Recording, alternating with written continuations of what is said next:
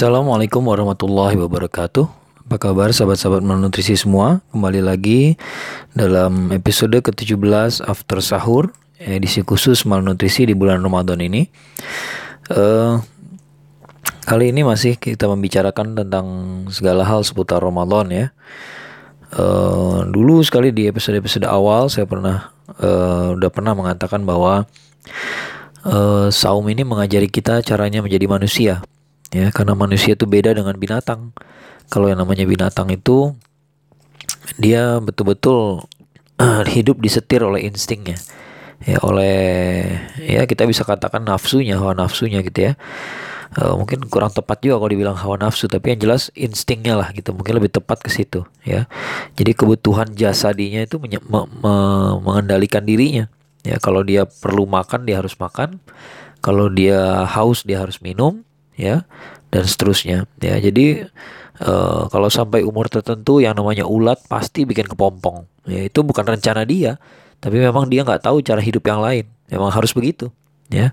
Tidak ada pilihan lain bagi se bagi seekor ulat kecuali menempuh jalan hidup yang seperti itu ya. Tapi kalau manusia kan nggak. Manusia itu selalu membuat pilihan ya. Dia bisa memilih jalan hidupnya ya.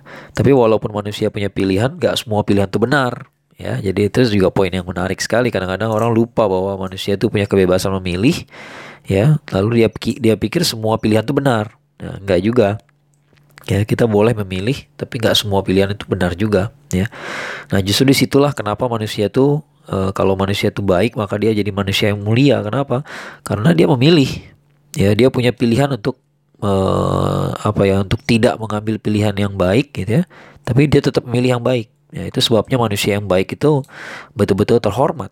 Ya, kalau malaikat ya, apa uh, dia nggak punya pilihan untuk untuk apa ya untuk membangkang misalnya gitu ya. Dia dia sama sekali nggak berpikir untuk membangkang, ya nggak seperti manusia. Kalau manusia bisa punya pilihan, ya betul-betul dia boleh memilih dan bisa memilih, gitu ya. Nah oleh karena itu kalau manusia mulia itu luar biasa, ya. Nah teman-teman kita dalam ibadah saum ini uh, melatih diri kita menjadi seperti manusia yang sesungguhnya, manusia yang bisa menunggu, ya.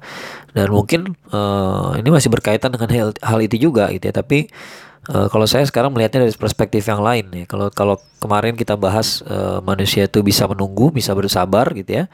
Uh, tidak, uh, tapi kalau dari sekarang saya ingin melihatnya lebih memberikan penekanan, gitu ya, dari sisi manusia itu tidak menghamba kepada yang lain, ya.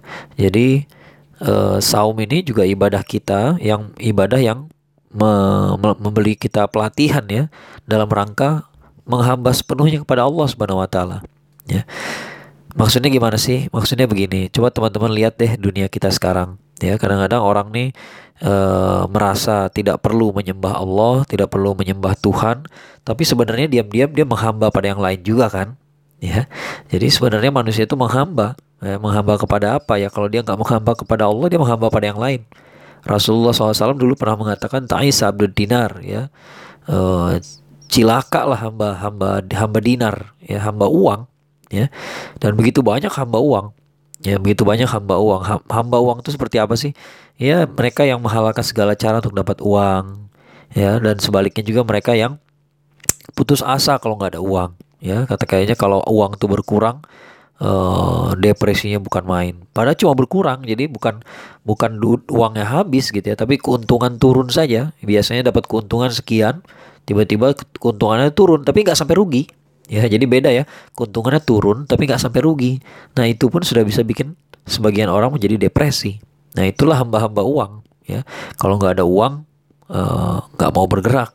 Ya, kalau nggak ada uang, begitu ada uang, geraknya cepat sekali. Ya, nah. Uh, hamba apa lagi ya? Nah, kita lihat kemarin ada ada youtuber yang yang uh, menipu orang dengan dengan paket sembako gitu ya. Hamba apa tuh? Hamba konten gitu ya. Hamba konten ini kan aktual sekali nih. Saya rasa 10 tahun yang lalu kita nggak membicarakan yang kayak begini. Kita nggak nggak membicarakan ada orang yang demi konten akan berbuat apa saja gitu ya. Uh, tapi sekarang banyak yang seperti itu ya banyak orang yang hamba konten kalau saya saya sebutkan istilahnya gitu ya. Atau hamba hamba viewer gitu ya. Ya betapa betapa pentingnya bagi dia tuh bahwa dia tuh diperhatikan orang ya. Uh, view-nya banyak likes-nya banyak gitu ya. Uh, atau kalau di Twitter retweetnya banyak likes-nya banyak gitu ya. Uh, mungkin ini juga semacam penyakit juga ya uh, barangkali ya saya nggak tahu lah ini mungkin perlu dianalisis oleh para psikolog ya. Apa apa masalah yang terjadi sehingga orang merasa sekarang ini butuh banget gitu perhatian dari dari orang lain dari apa dari subscriber kalau bahasa YouTube-nya dari follower kalau bahasa Twitter dan uh, Instagramnya gitu ya. Anyway sama aja ya nggak jauh beda gitu ya. Ya sekarang ini banyak orang hamba konten. Demi konten berbuat apa saja ya menipu orang ngagetin orang istilahnya ngeprank gitu ya. Tapi kelihatan lah orang kalau ngeprank tapi nggak cerdas tuh gimana gitu ya. Ngepranknya bahaya gitu ya.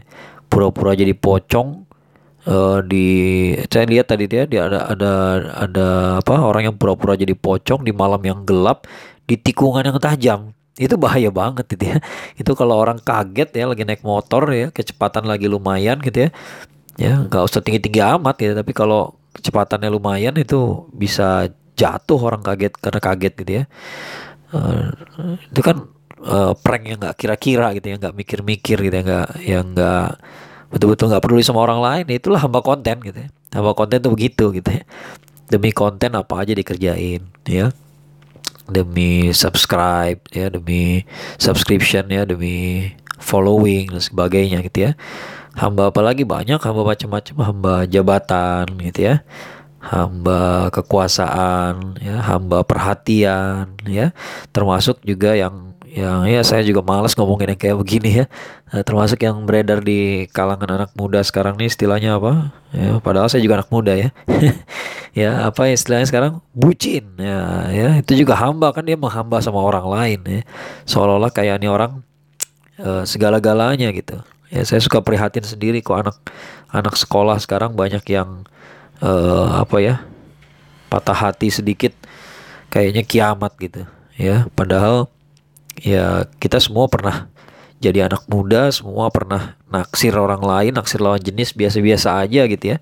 Ini yang selalu saya katakan pada anak-anak muda gitu. Nanti kalau teman-teman dah menemukan pasangan hidupnya ya kita bakal bakal kita ketawain lah yang yang dulu kita taksir taksir gitu ya.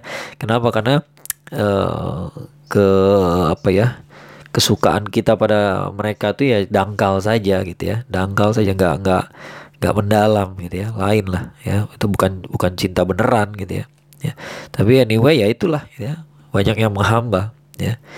Nah kita ini lagi saum ini kita diajari untuk tidak menghamba pada yang lain. Ya kita nggak menghamba pada lapar, pada haus. Emang ada orang menghamba pada lapar? Ada banyak.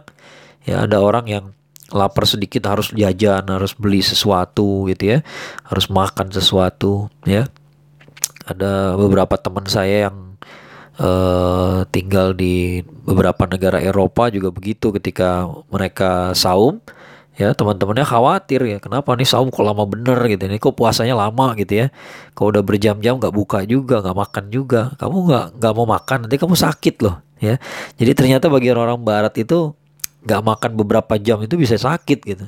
Padahal di kita di Indonesia ya dari anak TK pun udah udah belajar untuk tidak makan selama 13 setengah jam gitu. Itu itu masalah biasa banget gitu ya. Nggak ada yang istimewa ya. Tapi ternyata bagi orang yang menghamba pada perutnya ya begitu gitu ya. Nggak nggak boleh lapar sedikit ya. Nggak boleh haus sedikit ada aja yang dibeli gitu ya.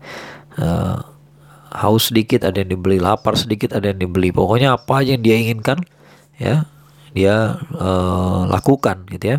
Ya kadang-kadang orang juga menghamba pada dirinya sendiri juga gitu ya. Jadi semua keinginannya harus tercapai ya harus tercapai. Seolah-olah nggak ada keinginan dia yang bisa yang boleh ditawar menawar gitu ya.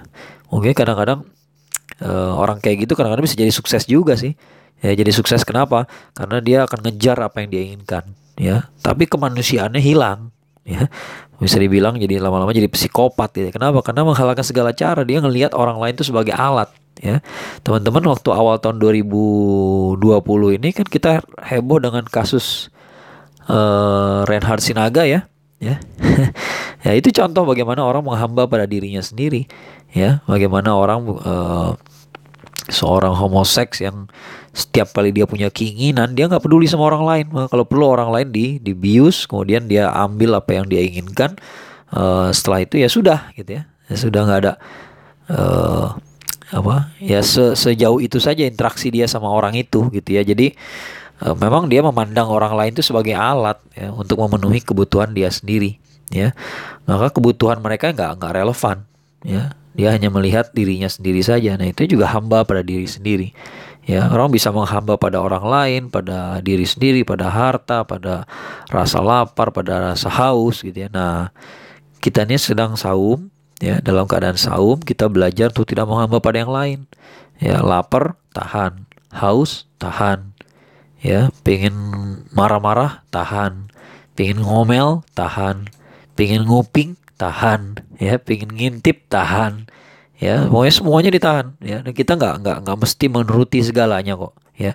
Kita nggak mesti menuruti segalanya ya. Nggak mesti semua yang kita inginkan ini kita ambil ya. Kadang-kadang orang uh, apa ini ini satu argumen yang sering udah sering juga saya ungkapkan ya. Kadang-kadang eh, ketika bicara tentang hubungan homoseksual gitu ya ada orang yang berargumen seperti itu bahwa uh, walaupun dia misalnya dia laki-laki tapi dia mencintai sesama laki-laki kata dia ini nggak mungkin salah ini kan cinta nih. Cinta itu dari hati ya. Maka saya bilang sebenarnya semua maksiat juga dari hati ya. Kita kesel sama orang lalu kita bunuh dia ya. Kejahatannya adalah pembunuhan tapi sumbernya dari hati kan. Ya dari kekesalan kita kita ketidakmampuan kita mengendalikan emosi ya kemudian kita korupsi ya kejahatannya korupsi ya berbuat curang mengambil uh, harta negara untuk untuk kita sendiri ya itu itu kejahatannya tapi sumbernya kan dari kedengki dari uh, apa dari ketamakan ya dari tamak bukan dari gaji kecil Ya, jadi korupsi itu bukan karena gajinya kecil, tapi memang karena tamak saja. Karena banyak yang gajinya sudah besar masih korupsi juga gitu ya. Jadi semua juga dari hati, ya. Sama seperti seorang laki-laki mencintai istri orang misalnya, itu juga dari hati, ya. Tapi tidak membuat itu jadi benar. Ya, nah inilah yang perlu kita pahami bersama bahwa nggak semua keinginan kita ini harus dipenuhi. Ya, kalau kayak begitu cara kita hidup, ya, apa sih salahnya gitu ya mungkin ada yang bertanya juga gitu apa sih salahnya kalau kita nurutin aja maunya kita gitu ya masalahnya uh, whether you like it whether you like it or not gitu ya suka atau tidak tetap aja nggak akan semua keinginan kita tercapai. Ya kalau kita menghamba pada keinginan diri kita sendiri kita yang menderita. Ya kenapa? Karena ujung-ujungnya nggak ada yang tercapai juga apa? Pasti ada yang nggak tercapai gitu ya. Mungkin nggak semua apa ya? Pasti ada yang tercapai juga ya. Tapi kalau kita menghamba kita akan menderita sendiri. Ya pokoknya ini harus terpenuhi. Ternyata enggak nah gimana coba kalau enggak kalau iya sih nggak apa-apa gitu ya. Kalau kalau kalau terakhirnya terpenuhi barangkali kita puas gitu ya. Tapi kalau nggak terpenuhi gimana ya kalau dari awal mindset kita adalah uh, saya ingin A maka harus dapat A gitu ya maka suatu hari anda akan depresi akan akan akan menderita sekali jiwa anda karena anda menginginkan sesuatu tapi nggak dapat gitu ya Nah, angka langkah lebih baiknya kalau kita ini menghamba kepada yang lain, kepada yang pada yang lain itu kepada siapa ya, bukan yang lain dalam arti orang lain atau harta gitu ya. Menghamba kepada Allah. Nah, apa sih keuntungannya menghamba pada Allah? Allah tuh objektif, Allah tuh adil. Ya, Allah tuh adil. Allah tidak tidak tidak zolim, ya, tidak zolim. Jadi apa kalau kita menghamba kepada yang apa kepada Allah Subhanahu wa taala gitu ya. Kalau kita melakukan apa yang di, di, diridhoi oleh Allah Subhanahu wa taala, kita nggak akan pernah rugi ya nggak pernah rugi itu gimana maksudnya ya bukan di dunia bukan ukuran dunia ya kalau di ukuran dunia bisa jadi kita rugi ya bisa jadi kita misalnya nih kita kita di kantor nggak pengen korupsi ya, tapi sementara si isi kantor korupsi semua. Ya, biasa tahu sendiri kan kalau mereka udah semuanya berbuat curang biasanya yang yang jujur akan di di digencet lagi gitu istilahnya gitu ya akan ditekan gitu ya. Nah kita kan karena kita jujur maka kita ditekan. Ya, barangkali akhirnya kita kehilangan pekerjaan itu ya. Tapi ya itu itu ukuran dunia ya. Tapi ukuran dunia. Tapi kalau di sisi Allah yang kayak begitu tetap aja benar ya nah yang benar nggak bakal rugi di akhirat ya. Yang rugi siapa? Yang zolim ya. Nah Allah tuh mahadil gitu jadi kita kita ini nggak rugi menghamba kepada Allah gitu ya. Dan yang Allah perintahkan tuh selalu baik buat kita. Kadang-kadang kita nggak tahu apa yang baik buat kita ya. Tapi Allah tahu selalu yang terbaik buat kita. Kita disuruh sholat yang untung kita juga. Kita disuruh saum sekarang nih yang untung kita juga. Allah nggak untung sama sekali ya dan Allah nggak rugi juga kalau kita nggak sholat nggak saum ya biasa-biasa aja gitu ya nah jadi Allah tuh uh, Allah tuh kalau saya katakan yang paling uh, adil, yang paling objektif ya kalau kita mau uh, menghamba. Kalau menghamba kepada diri sendiri itu subjektif ya. Bisa jadi kita menghamba pada diri sendiri kita sendiri akhirnya kita zolim sama yang lain karena kita nggak mikirin yang lain. Tapi kalau kita menghamba kepada Allah maka udah sepaket apa yang kita kerjain ini pasti nggak zolim kepada yang lain ya. Tidak menzolimi diri sendiri juga ya kita saum ini nggak menzalimi diri sendiri kan? Kita ada sahurnya ada berbukanya. Ya kita nggak terus terusan kita saum gitu ya. Nggak nggak terus menerus nggak sepanjang tahun kita saum nggak ya. Ketika berbuka kita dikasih kesempatan silakan mau makan apa yang enak mau minum apa yang enak. Mangga silakan gitu ya. Jadi kita nggak menyiksa diri ya. Nah itulah uh, itu yang kita uh, apa ya salah satu aspek penting yang kita pelajari selama kita saum ini. Kita belajar supaya kita ini nggak dikendalikan sama yang lain Ya, cukup Allah yang mengendalikan kita. Ya, cukup Allah yang mengendalikan kita. Kalau kalau dikendalikan sama yang lain kita pasti akan sedih, pasti akan menderita di, di kemudian hari. Mungkin nggak sekarang tapi di kemudian hari. Ya. Bahkan kalau kita menghambang pada diri kita sendiri pun kita nggak akan bahagia juga. Ya, karena uh, Anda suka atau enggak, ya Anda terima atau enggak, pokoknya suatu saat pasti ada saat-saatnya di mana keinginan Anda tidak terpenuhi. Ya, dan kalau Anda menjadi hamba dari keinginan Anda sendiri, Anda akan menderita dengan cara kayak begitu. Ya, mudah-mudahan uh, obrolan kita bermanfaat pada pagi hari ini. Sampai jumpa pada episode after sahur berikutnya. Assalamualaikum warahmatullahi wabarakatuh.